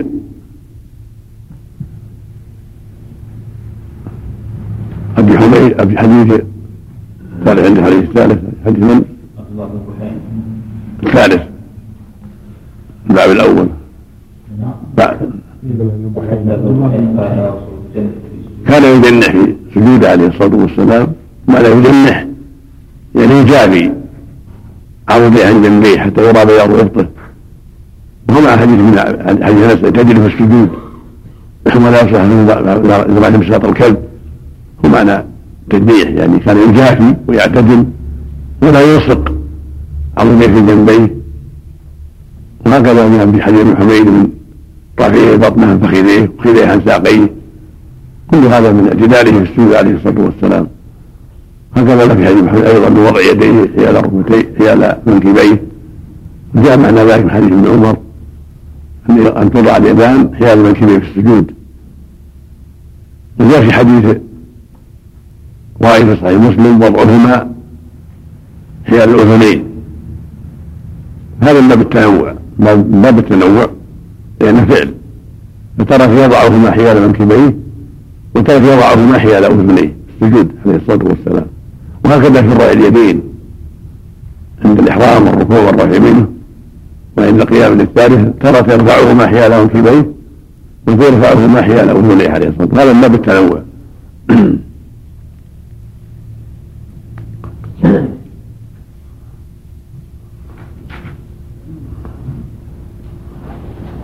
الثاني إيش؟ باب باب إيش؟ كذلك حديث اعضاء السجود. حديث عباس كان إذا قال اذا سجد سجد معه سبعة أراب. الوجه والكفان الركبتان والقدمان خرجه جماعة البخاري. هذا واضح في أنها تج... بانه يجب سجوده عليها. يعني أخبار عن سجود المؤمن وهكذا سجوده ويؤيده حديث عباس. كان يسجد على سبعة عظم وعلى أكفة شعرا ولا ثوبا فالواجب يسجد على الأعضاء السبعة وأن تكون هذه الأعراض كلها ساجدة. معه في الفرض والنفل الوجه وأشار إلى أنفه فجمع الأنف هذا هو الصواب الجبهة والأنف والكفين والركبتين واطراف القدمين على بطون أصابع القدمين يعتمد على بطونهما وأطرافها إلى القبلة. وهكذا يداه أطراف أصابع القبلة ضم بعضها إلى بعض حين سجوده وأطرافها إلى القبلة. هذا هو الواجب في السجود وليس له يرفع عضوا من هذه الأعضاء بل يجب أن يسجد عليها كلها بفرض والنفل وهو مأمور أيضا أن لا يكف شعرا ولا ثوبا. يترك ثيابه وشعره عند السجود لا لا يمنعه.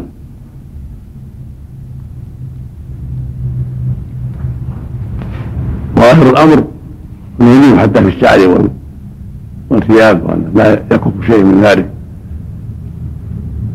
لأنه أمر واحد. وهذا مما يدل على أنه ينبغي له يحرص على الخشوع.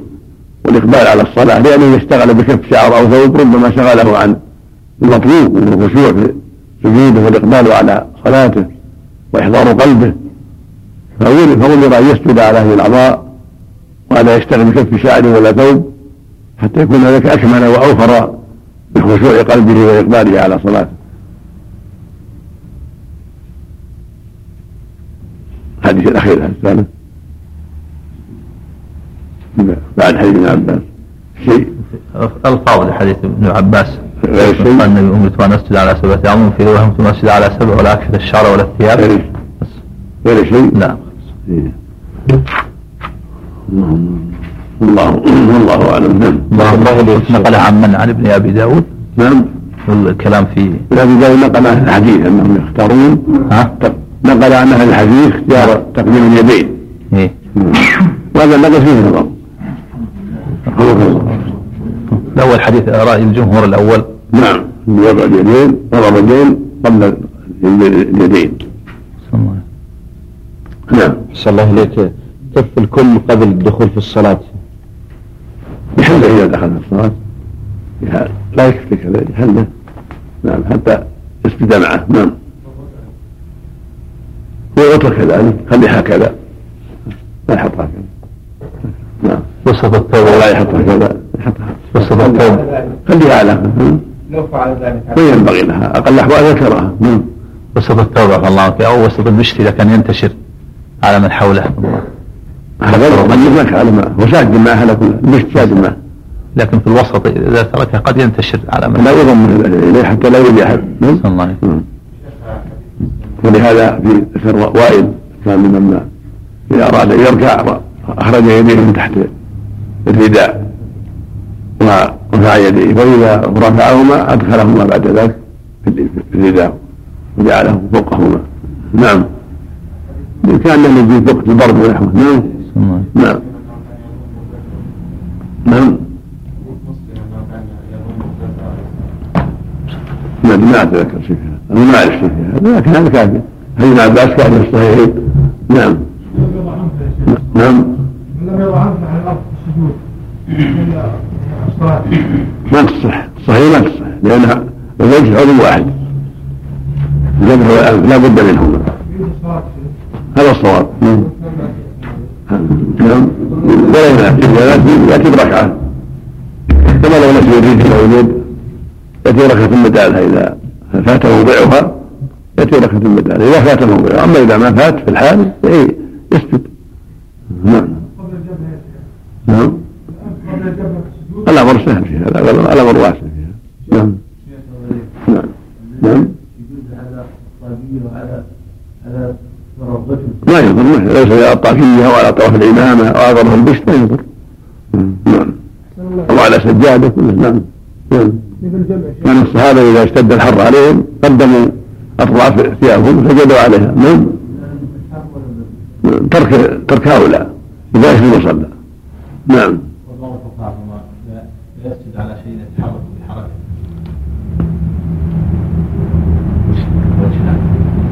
ما أعرف لا، ما أعرف. هذا ما الوقت الثياب تحركهم نعم ما ما- ليس بشيء. أو ليس بشيء. نعم نعم نعم. شاذ في الحقيقة لهذا ابن خزيمة شاذة لأن روى مثل ما روى مسلم. قال فقدماه مصيبتان عليه الصلاة والسلام. وهو أبلغ في المجافات يليق بالتفريق فخذيه إذا فرق الفخذين تفرق في القدمين رواية مسلم أولى و- و- وأصح. نعم. نعم. الآن الشيخ البعيد الذي الذي في يديه يسمى الركب يا شيخ. نعم. الذي في قدميه يسمى السبب. الرجل في الركب في رجليه. لكن لكن يقدم ركبته لكن لا تسمى يدين تسمى بالر- بالبعيد يدين ولما يديه اما ركبتيه هو يدين البعيد البعيد يسجد على يديه يدرك على يديه. ورجليه مؤخرة. ولا سميت ركب ولا سميت ركب في يدين نعم. عليه الصلاة والسلام على نبينا محمد وعلى آله وصحبه أجمعين.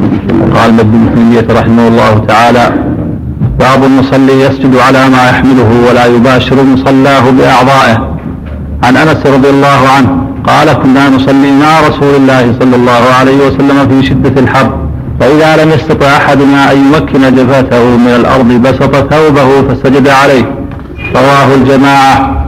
وعن ابن عباس رضي الله عنهما قال رأيت النبي صلى الله عليه وسلم في يوم مطير وهو يتقي الطين إذا سجد بكساء عليه. يجعله دون يديه إلى الأرض إذا سجد. رواه أحمد. وعن عبد الله بن عبد الرحمن قال جاءنا النبي صلى الله عليه وسلم فصلى بنا في مسجد بني الأشهل فرأيته واضعا يديه في ثوبه إذا سجد. رواه أحمد وابن ماجه. وقال على ثوبه. وقال البخاري قال الحسن كان القوم يسجدون على العمامة والقلنسوة ويداه في كميه. وروى سعيد في سننه عن إبراهيم قال كانوا يصلون في المساتق والبرانس والطيالسة ولا يخرجون أيديهم. باب الجلسة بين السجدتين وما يقول فيها. عن أنس رضي الله عنه قال كان رسول الله صلى الله عليه وسلم إذا قال سمع الله لمن حمده قام حتى نقول قد أوهم. ثم يسجد ويقعد بين السجدتين حتى نقول قد أوهم. رواه مسلم. وفي رواية متفق عليها أن أنس رضي الله عنه قال إني لا آل أن أصلي بكم كما رأيت رسول الله صلى الله عليه وسلم يصلي بنا. فكان إذا رفع رأسه من الركوع انتصب قائما حتى يقول الناس قد نسي. وإذا رفع رأسه من السجدة مكث حتى يقول الناس قد نسي. أول أول أول أول حديث. أول وفي رواية باب الجلسة بين السجدتين أول. باب الجلسة بين السجدتين وما يقول فيها. عن أنس رضي الله عنه قال كان رسول الله صلى الله عليه وسلم إذا قال سمع الله لمن حمده قام حتى نقول قد أوهم ثم يسجد ويقعد بين السجدتين حتى نقول قد أوهم رواه مسلم. وفي رواية متفق عليها أن أنس رضي الله عنه قال إني لا آل أن أصلي بكم كما رأيت رسول الله صلى الله عليه وسلم يصلي بنا. فكان إذا رفع رأسه من الركوع انتصب قائما حتى يقول الناس قد نسي. وإذا رفع رأسه من السجدة مكث حتى يقول الناس قد نسي. وعن حذيفة رضي الله عنه أن النبي صلى الله عليه وسلم كان يقول بين السجدتين رب اغفر لي رب اغفر لي. رواه النسائي وابن ماجه. وعن ابن عباس رضي الله عنهما أن النبي صلى الله عليه وسلم كان يقول بين السجدتين اللهم اغفر لي وارحمني واجبرني واهدني وارزقني رواه الترمذي وأبو داود إلا أنه قال فيه وعافني مكان واجبرني باب السجدة الثانية ولزوم ولزوم الطمأنينة في الركوع والسجود والرفع عنهما. اللهم صل وسلم على رسول الله. الأحاديث ثلاثة الأولى حديث في الأحاديث الأولى في السجود على الملابس حديث أنس حديث ابن عباس حديث عبد الله بن عبد الرحمن وأثر الحسن وأثر إبراهيم النخعي كلها تدل على أنه لا لا حرج في السجود على بعض الثياب عند الحاجة إلى ذلك كشدة الحر والبرد والماء ونحو ذلك. وحديث انس في الصحيحين بين في ذلك انهم كانوا يسمون على ثيابهم عند شده الحر هذا يدل على جواز ذلك ولعله موضع موضع إجماع لأن هذا أمر تدعو له الحاجة. والأحاديث واضحة وصحيحة والآثار كذلك. فالنبي صلى الله عليه وسلم والصحابة والسلف الصالح كانوا يتقون الحر والبرد بعض ثيابهم أو بشاط يبسط على الأرض. يقيهم حرها وبردها لا بأس بذلك. كان يصلي على خضره وهي حصير من الخوص مغفور هذا كله لا بأس به ولا حرج فيه سواء كان من الخوص أو من القطن أو من الصوف أو من غير ذلك من النباتات الطاهرة. والأحاديث الثلاثة الأخيرة حديث انس وحذيفه وابن عباس كلها تدل على شرعية الذكر بين السيدتين والطمأنينة في ذلك والاعتدال. وجاء في هذا المعنى أحاديث كثيرة حديث عائشة وحديث أبي حميد الساعدي وأحاديث كثيرة تدل على أن يجب الطمأنينة تجب الطمأنينة في بين السيدتين كما تجب الطمأنينة بعد الرفع الركوع. هذا واجب وهذا واجب بل بل ركن فعلى المصلي أن يعتدل بعد الركوع ويطمئن ولا يعجل وهكذا بين السيدتين عليه يعتدل ويطمئن ولا يعجل. وهذا هو الذي عليه جمهور أهل العلم. وهو مرادهم في الأحاديث الصحيحة. قد جاء عن أبي حنيفه رحمه الله وبعض الحنفية في هذا شيء يخالفه الأحاديث الصحيحة فلا يعول عليه ولا يلتفت إليه. والذي عليه جمهور العلم أنه لا بد من الطمانينه في هذا الركن بين السيدتين وكذلك بعد الركوع. لهم من الاعتدال طمانينه انه قد أمر النبي صلى الله عليه وسلم المسيء بذلك وأمره يعيد لما قصر في ذلك. وفيها انه يقول بين السيدتين رب اغفر لي رب اغفر لي كما في حديث حذيفه وفي حديث ابن عباس اللهم اغفر لي وارحمني واهدني واجبرني وارزقني. وفي الآخر وعافني. في المناجة وارفعني فهي ألفاظ سبعة. في رواية أبي داود اللهم اغفر لي وارحمني واهدني وارزقني وعافني. في رواية الترمذي اجبرني بدل وعافني. في رواية ابن ماجه وارفعني بدل اجبرني وعافني. كل ذلك واسع. ولهذا قال النووي رحمه الله الأفضل أن يجمعها كلها حصى على العمل بالرواية كلها. والحديث رواه أهل السنن ما عدا النسائي من طريق حبيب أبي ثابت عن سعيد بن بن عباس. وصحح الحاكم كما قال الحافظ في البنوك رواه الاربعه عن النسائي وصحح الحاكم. وأقره حافظ ولم يستدرك عليه شيئا. وهكذا أقره الذهبي رحمه الله تصحيحه. وسنده جيد. إلا أنه من رواية حبيب أبي ثابت عن سعيد. وحبيب مروي مروي بالتدليس ولكن الأصل في عدم التدليس إلا إذا وجد ما يدل على التدليس. ولهذا صححه الحاكم الذهبي رحمه الله وقرهم الحافظ في البيوت. فالحديث جيد ويدل على شرعية هذا الدعاء من السجدتين. رب اغفر لي وارحمني واهدني واجبرني وارزقني وعافني. في ذلك ابن ماجه وارفعني فيها دعوات طيبه تدل على أن هذه ليس محل دعاء وأن يدعو فيها ما يسر الله له ليس محل دعاء. ولهذا احمد رحمه الله وجماعه لا يجب الدعاء بالمغفرة مرة واحدة رب اغفر لي. وما زاد مستحب. والجمهور على أنه سنة أن الدعاء كل سنة. وينبغي المؤمن أن لا يدعى رب اغفر لي خروجا من الخلاف لأن حذيفة روى ذلك. عن النبي صلى الله عليه وسلم رواه ابن عباس هنا. والله والصلاة قال صلوا كما رأيتموني أصلي. فاقل شيء يقول رب اغفر لي. كما في حديث حذيفه وفي هذا أنه يقول صلى الله عليه وسلم حتى يقال قد اوهم من تطويله للجسد من السجدتين وتطويله للوضوء بعد الركوع. كان يبالغ في هذا عليه الصلاة والسلام. ولهذا قال في رواية أخرى أنس حتى نقول قد نسي.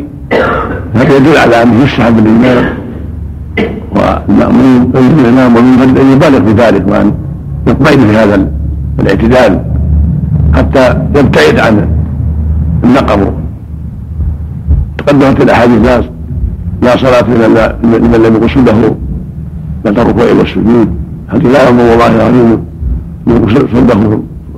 بعد الركوع والسجود المقصود أن هذا مهم.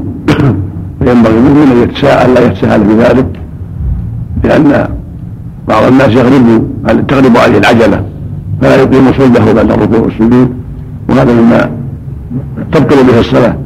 نسأل الله السلامة. نعم سم.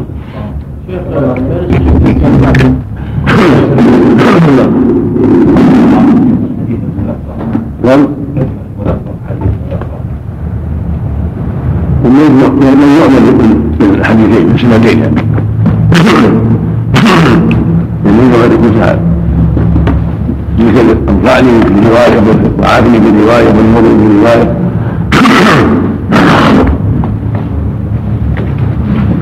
نعم تحريك السبابه لا يرسل اليها بسطا واما الحلق فيكون التشهد. إذا يسمع نوائب يصلي لكن فيها نظر مش هذا نظر والله ما شاهد رواية وائل في السجدتين بين السجدتين تحليق الظاهر شاهد لأن الحال الصحيحة في تشهد أما في السجدتين يبسط يديه هذا بعض الروايات الصحيحة بسط اليدين على الركبتين أو الركبتين نعم. غير الألفاظ السبع الكلمات السبع هذا معروف من احمد العظيم يا أخي روايه في اجر المجلور ولعله تصحيح المجبور به نعم. يدعي أخرى ما هي لا ما ما أذكر شيئا. لكن لو دعا ما في شيء لأن محل دعاء نعم.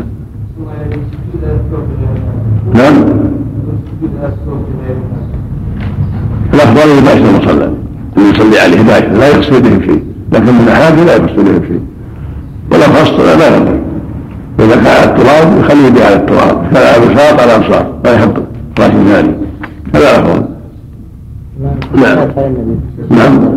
نعم. أفضل أفضل. الشيء الأول أفضل. نعم. نعم. يعني كثر الدعاء؟ الذي كان يطيل بها من السجدتين يطيل بعد الركوع. كالتهجد بالليل يطيل هذا وإن دعا بزيادة فلا بأس. نعم. صلى الله عليك عموم الأحاديث عموم الأحاديث لما سألوا ولم يقل هذا خاص بالتأخير الأخير نعم. نبينا محمد وعلى آله وصحبه أجمعين. اللهم صل على قال ابن تيمية رحمه الله تعالى باب السجدة الثانية ولزوم الطمأنينة في الركوع والسجود والرفع عنهما. عن أبي هريرة رضي الله عنه أن رسول الله صلى الله عليه وسلم دخل المسجد فدخل رجل فصلى ثم جاء فسلم على النبي صلى الله عليه وسلم. فقال ارجع فصل فإنك لم تصل فرجع فصلى كما صلى. ثم جاء فسلم على النبي صلى الله عليه وسلم. فقال ارجع فصل فإنك لم تصل ثلاثا. فقال والذي بعثك بالحق ما أحسن غيره فعلمني. فقال إذا قمت إلى الصلاة فكبر ثم اقرأ ما تيسر معك من القرآن ثم اركع حتى تطمئن راكعا. ثم ارفع حتى تعتدل قائما ثم اسجد حتى تطمئن ساجدا ثم ارفع حتى تطمئن جالسا ثم اسجد حتى تطمئن ساجدا ثم افعل ذلك في صلاتك كلها متفق عليه. لكن ليس لمسلم فيه ذكر السجدة الثانية. وفي رواية لمسلم إذا قمت إلى الصلاة فأسبغ الوضوء ثم استقبل القبلة فكبر الحديث. وعن حذيفة رضي الله عنه أنه رأى رجلا لا يتم ركوعه ولا سجوده فلما قضى صلاته دعاه فقال له حذيفة ما صليت؟ ولو مت مت على غير الفطرة التي فطر عليها محمد صلى الله عليه وسلم. ولو مت ولو مت ولو مت مت على غير الفطرة التي فطر عليها محمد صلى الله عليه وسلم. محمدا. ولو ولو مت مت على غير الفطرة التي فطر الله عليها محمدا صلى الله عليه وسلم. رواه أحمد والبخاري. وعن أبي قتادة رضي الله عنه قال قال رسول الله صلى الله عليه وسلم أسوأ الناس سرقة الذي يسرق من صلاته. قالوا يا رسول الله وكيف يسرق من صلاته؟ قال لا يتم ركوعها ولا سجودها. أو قال لا يقيم صلبه في الركوع والسجود. رواه أحمد. ولأحمد من حديث أبي سعيد مثله إلا أنه قال يسرق صلاته. باب كيف النهوض إلى الثانية وما جاء في جلسة الاستراحة. عن وائل بن حجر رضي الله عنه أن النبي صلى الله عليه وسلم لما سجد وقعت ركبتاه إلى الأرض قبل أن يقع كفاه. فلما سجد وضع جبهته وضع جبهته بين كفيه وجافى عن إبطيه. وإذا نهض نهض على ركبتيه واعتمد على فخذيه. رواه أبو داود. وعن مالك بن الحويرث رضي الله عنه أنه رأى النبي صلى الله عليه وسلم يصلي فإذا كان في وتر من صلاته لم ينهض حتى يستوي قاعدا. رواه الجماعة إلا مسلما وابن ماجه. باب افتتاح الثانية بالقراءة من غير تعود ولا سكتة. اللهم صل على محمد. هذه الأحاديث الأولى فيها الدلاله على وجوب الطمأنينة ان الواجب على المصلي فرض والنفل أن يطمئن. ولهذا لما رأى المسيء في صلاته لم يطمئن أمره أن يعيد الصلاة. فدل ذلك على وجوب الطمأنينة وهي الخشوع في الصلاة والسكون فيها وعدم العجلة. فيطمئن في ركوعه وفي اعتداله بعد الركوع وفي سجوده وفي الاعتدال بين السجدتين. والحديث واضح في أن ذلك ركن لا بد من فرض لا بد منه. وان من ترك ذلك لم تصح صلاته هذا الذي عليه جمهور أهل العلم وهو واضح من الأحاديث وهو واضح من النبي صلى الله عليه وسلم وقال صلوا كما رأيتم يصلي. فيطمئن في صلاته عليه الصلاة والسلام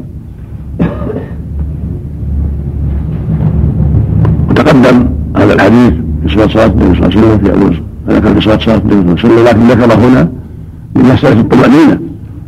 المقصود أن الطمأنينة وهي الركود والسكون وعدم العجلة حتى يرجع كل فقار إلى مكانه. أمر لازم وفريضة. وهكذا حديث حذيفة في الدلالة على أن من لم يطمئن في ركن السجود فلا صلاة له. وأن صلى على غير الفطرة التي فطر الله عليها محمد عليه الصلاة والسلام. والذي يموت على غير الفطرة ما ما أتى بالأمر الشرعي. لهذا قال ما صليت. فدل ذلك على أن من لم يطمئن فإنه ما ما صلى. وهكذا حديث أبي قتادة وأبي سعيد وما جاء في معناهما اسوار سرقة. في في رواية أشر الناس سرقة ان يسرق صلاته.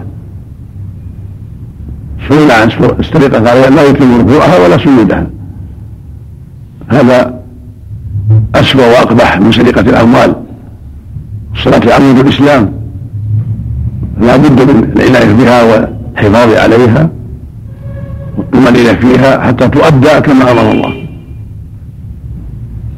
وهذه الأمة الفرض والنفل ولكنه في الفرض أشد وأهم.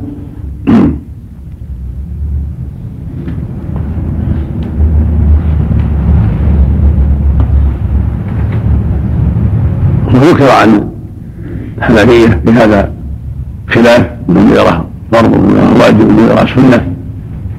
والصواب جمهور أهل العلم. لأن الطمأنينة لا بد منها. وأن لا بد من اعتداله بعد الركوع واعتداله بين السجدتين. ومن خالف ذلك فهو قول فاسد. يخالف السنة الصحيحة. ثابتة عن رسول الله عليه الصلاة والسلام. أما بالنسبة للصراحة فاختلف فيها العلماء. حج غير مذكور وفيه ضعف. يدل على تركها. وحديث مالك بن يدل على إثباتها. وهكذا جاء من حديث ابن حميد الساعدي في عشرة من أصحاب النبي صلى الله عليه وسلم إثباتها. والصواب أنها سنة مستحبة وليست واجبة. فمن رواها أثبت السنة ومن تركها دل تركه لها على انها غير واجبة. هذه كما في حديث وائل وغير من روى حج صلاة النبي صلى الله عليه وسلم عبد الله بن عمرو وغيرهم من روى النبي صلى الله عليه وسلم ممن لم يذكرها يدل ذلك على أنه ترك يفعلها وترك يتركها عليه الصلاة والسلام. وهي جلسة خفيفة بعد الأولى والثالثة. تشبه جلسة ما بين السجدتين فهي مستحبة وقال بعض أهل العلم أنها تستحب لمن شق عليه القيام بسرعة بسرعة يستريح من كبير السن والمريض. لكن ظاهر السنة أنها مستحبة للجميع. الإمام والمنفرد. والمأموم حتى ولو ما جلسها الإمام مستحبة للجميع. كما أن رفع اليدين مستحب للجميع للإمام والمنفرد والمأموم.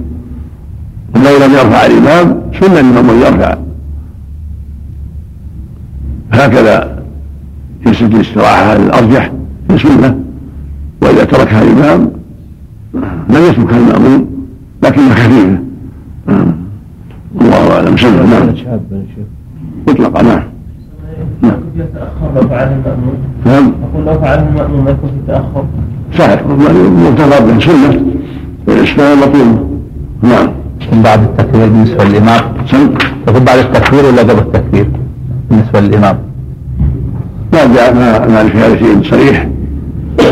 من فعله بعد التكبير. ينبه المأمومين حتى لا يعجلوا وإن فعل قبل التكبير يحتاج تنبيه ليسها خفيفة ثم ينهض ويكبر.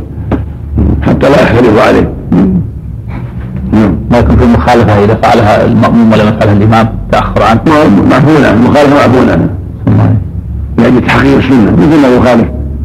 اليدين لو والله خالف. ولو لم يرفع الإمام هذا هو السنة. السنة محافظ عليها. فإن المخالف يزيد أما المخالفة في السنن مطلوبة إذا أخل أخل بها الإمام لا يخل بها المأموم إذا أمكنه نعم رفع اليدين حرام نعم. حرام سنة نعم. الإحرام عند الركوع عند الرفع وعند النهوض إلى الثالثة يرفع يديه. نعم نعم النهوض إلى الثالثة. لا قبل التشهد الأول يرفع يديه مع التكبير